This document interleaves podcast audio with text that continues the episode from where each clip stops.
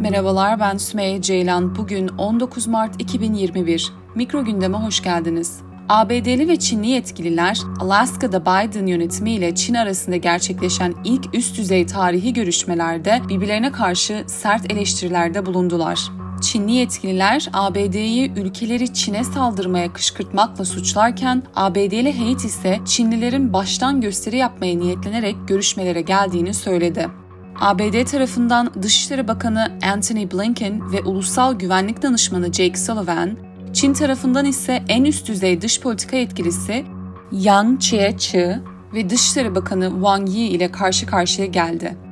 Blinken açılış konuşmasında Hong Kong, Tayvan, ABD'ye yönelik siber saldırılar ve Pekin'in Sincan bölgesindeki Uygurlara karşı uygulamaları gibi Çin'in eylemleriyle ilgili derin endişeleri tartışma konusu edeceğini söyledi.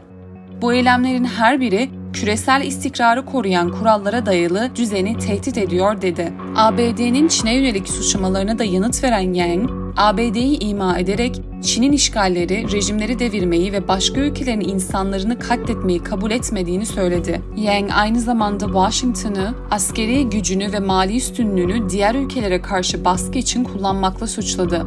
ABD'nin evrensel değerlerden bahsetmesini eleştirerek ne ABD'nin kendisi ne de Batı dünyası uluslararası kamuoyunu temsil ediyor ifadesini kullandı. Bakan Yang, ABD'nin ülkesine yönelik yaptırımlarına ilişkin de Çin'i boğmak imkansız dedi.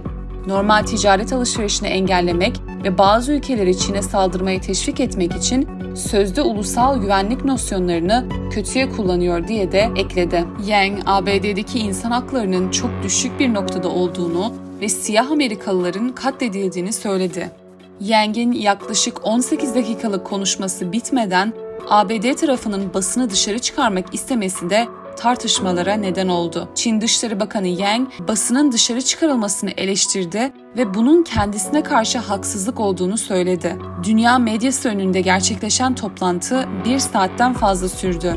İki süper güç arasındaki ilişkiler yıllardır gergin. Bu gerginliğin yakın zamanda azalması ihtimali de pek olacağı benzemiyor. Beni dinlediğiniz için teşekkür ederim. Bir sonraki mikro gündemde görüşmek üzere.